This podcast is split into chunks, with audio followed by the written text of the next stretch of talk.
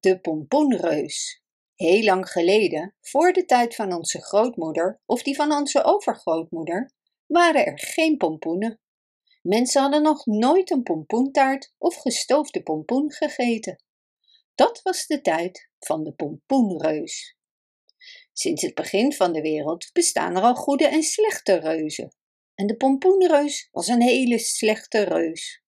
Hij zag er gevaarlijk uit en hij vertoonde slecht gedrag. Hij bezorgde de mensen rillingen van angst, die reuzenrillingen werden genoemd. De pompoenreus was heel lang voor een reus en hij had een groot geel gezicht. Zijn ogen gloeiden als vurige kolen en het leek alsof zijn hele hoofd verlicht werd door kaarsen. Zijn brede mond strekte zich uit over de helft van zijn gezicht en hij had puntige witte tanden. Hij woonde in een kasteel, zoals gebruikelijk is voor reuzen. De pompoenreus at graag alles wat dik was. Iedereen was bang voor deze reus. Zelfs de koning had zijn troon laten verstevigen omdat hij bang was voor een aanval van de reus. Hij maakte zich ook grote zorgen over zijn enige dochter, prinses Ariadne Diana. Zij was de dikste prinses van de wereld. Ze had in de twaalf jaar van haar bestaan nog nooit een stap gelopen en kon alleen maar rollen. De prinses mocht het paleis nooit verlaten zonder een gewapende lijfwacht van vijftig ridders. Ondertussen kreeg de pompoenreus, die overal verschrikkelijke verwoestingen aanrichtte, steeds meer honger. Ten slotte maakte de wanhopige koning bekend dat hij degene die hem het hoofd van de reus zou brengen, tot ridder zou benoemen. Alle mannen in het koninkrijk wilden graag ridder worden, dus ze probeerden allemaal een manier te bedenken om de reus te doden. Het probleem was alleen dat ze allemaal te bang waren om dicht bij de reus te komen. Nu was er een man die niet ver van het kasteel woonde en alleen maar een huisje met een aardappelveld bezat. Hij had een dikke zoon. En deze familie was zo bang voor de reus dat de moeder al twee jaar in bed lag met reuzenrillingen. De aardappeloogst ging niet goed en ze hadden amper genoeg te eten. De vader heette Patroclus de naam van de moeder was Daphne en de jongen werd Eneas genoemd. Op een ochtend waren vader en zoon nieuwe aardappelen aan het opgraven. Sommige van deze aardappels waren heel groot. Hun werk vlotte niet erg goed, want ook Patroclus had deze dag last van reuzenrillingen. Plotseling beefde de aarde hevig. Patroclus en Eneas keken op en zagen de pompoenreus aankomen, met zijn mond wijd open. Verstop je achter mij, lieve zoon, riep Patroclus. Eneas gehoorzaamde, maar het had geen zin, want je kon zijn wangen aan weerszijden van zijn vaders vest zien, want hij was erg dik. Patroclus was normaal gesproken geen dappere man, maar in een noodsituatie was hij wel dapper. De pompoenreus kwam steeds sneller dichterbij en opende zijn mond steeds verder. En toen pakte Patroclus de grootste aardappel die hij vinden kon en gooide deze in de mond van de pompoenreus. De reus hijgde en verslikte zich, hij hapte naar adem en viel uiteindelijk op de grond en stierf.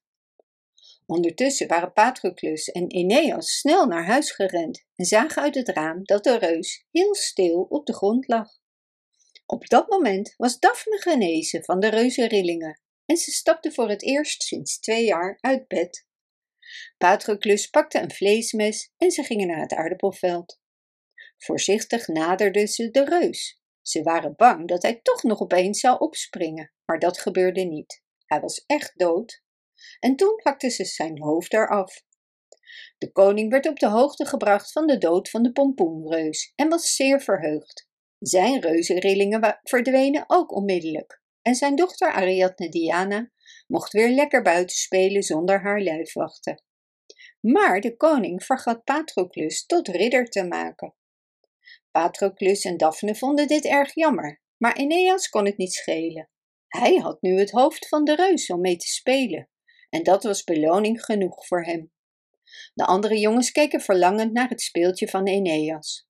Maar uiteindelijk ging het hoofd kapot in de herfst en lag in stukken verspreid over het veld. In het voorjaar groeiden er opeens op het aardappelveld honderden pompoenen. De mensen dachten dat ze de reuzenhoofden boven de grond zagen verschijnen en dat de rest van de reuzen er achteraan zou komen. Eerst was er maar één pompoenreus, zeiden ze, maar nu zal er een heel leger zijn.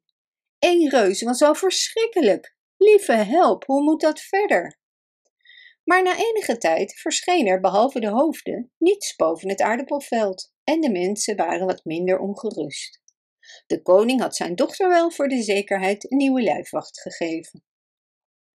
Eneas wilde altijd alles in zijn mond stoppen. Hij had kennis gemaakt met bijna alle smaken in zijn directe omgeving. Maar reuzenhoofden had hij nog niet geproefd. Dag en nacht vroeg hij zich af hoe het hoofd van de reus zou smaken. En op een dag sloop hij naar het aardappelveld en sneed een stukje af. Het smaakte zoet en lekker. Hij at door tot hij twee derde van het hoofd had opgegeten. Toen vroeg hij zijn moeder of ze een tegengif had, hoewel hij zich helemaal niet ziek voelde. Maar misschien was een reuzenhoofd wel giftig. O Eneas, mijn lieve zoon, riep Daphne wanhopig, er is geen tegengif voor een reuzenhoofd. Wat moeten we nu doen? Toen barsten ze allebei in tranen uit. Ze waren bang dat Eneas zou sterven zonder tegengif. En Patroclus huilde ook mee toen hij thuis kwam. Ze keken naar Eneas in de verwachting dat ze hem elk moment konden zien sterven. Maar het tegendeel was waar. Hij had zich nog nooit zo goed gevoeld. Bij zonsondergang riep Eneas blij: Ik ga niet dood. Jullie kunnen stoppen met huilen. Ik ga nog een stukje van het reuzenhoofd eten. Ik heb reuzenhonger. Zijn vader en moeder waren nog ongerust, want hij was hun enige zoon. Eneas kwam terug met het hele hoofd. Kijk, we kunnen hier allemaal van eten en het smaakt nog veel beter dan aardappelen, riep hij. Patroclus en Daphne aarzelden, maar ze hadden erg veel honger, dus ze aten een stukje reuzenhoofd. Daphne dacht dat het gekookt nog beter zou smaken en stoofde het reuzenhoofd in een pan. En ze bedacht ook dat ze er een taart van zou kunnen maken en liet deze in de oven bakken. En de reuzenhoofdtaart smaakte voortreffelijk, dus verzamelden ze de rest van de reuzenhoofden ook en bewaarden ze in de kelder. Zo konden ze nog veel meer taarten bakken. Op een ochtend kwam de koning langs het huisje en rook een heerlijke geur. Hij stuurde een lakij naar binnen om te kijken waar de geur vandaan kwam. De vrouw des huizes bakt taarten van de reuzenhoofden, zei de lakij. Wat, bulderde de koning, breng me gelijk een stuk. De lakij bracht een taart, maar eerst proefden de ridders om er zeker van te zijn dat het niet giftig was. Daarna nam de koning ook een hap. Zoiets heerlijks heb ik in mijn leven nog nooit geproefd, riep de koning verheugd. Roep onmiddellijk de vrouw naar buiten. Dus Daphne kwam bevend naar buiten en Patroclus en Eneas ook. Vertel me alles over deze heerlijke taarten en ik zal je belonen. Toen viel Patroclus op zijn knieën en vertelde hij de hele geschiedenis van de reuzenhoofden. De koning bloosde van schaamte. En ik vergat je te ridderen, edele dappere man, en ik vergat een dame van je bewonderenswaardige echtgenote te maken. Toen boog de koning zich uit zijn zadel en sloeg Patroclus met zijn koninklijke zwaard en maakte hem tot ridder. De hele familie ging in het koninklijk paleis wonen. De rozen werden uit de koninklijke tuin gehaald en er werden pompoenen gezaaid, want zo werden de reuzenhoofden vanaf dat moment genoemd. Patroclus hielp de koning en Daphne hield toezicht op het bakken van pompoentaarten in de koninklijke keuken. En Eneas trouwde met prinses Ariadne Diana.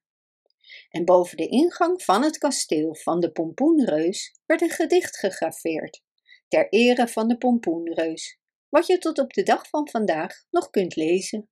En de koning betaalde hiervoor met 50 pompoentaarten. Bedankt voor het luisteren.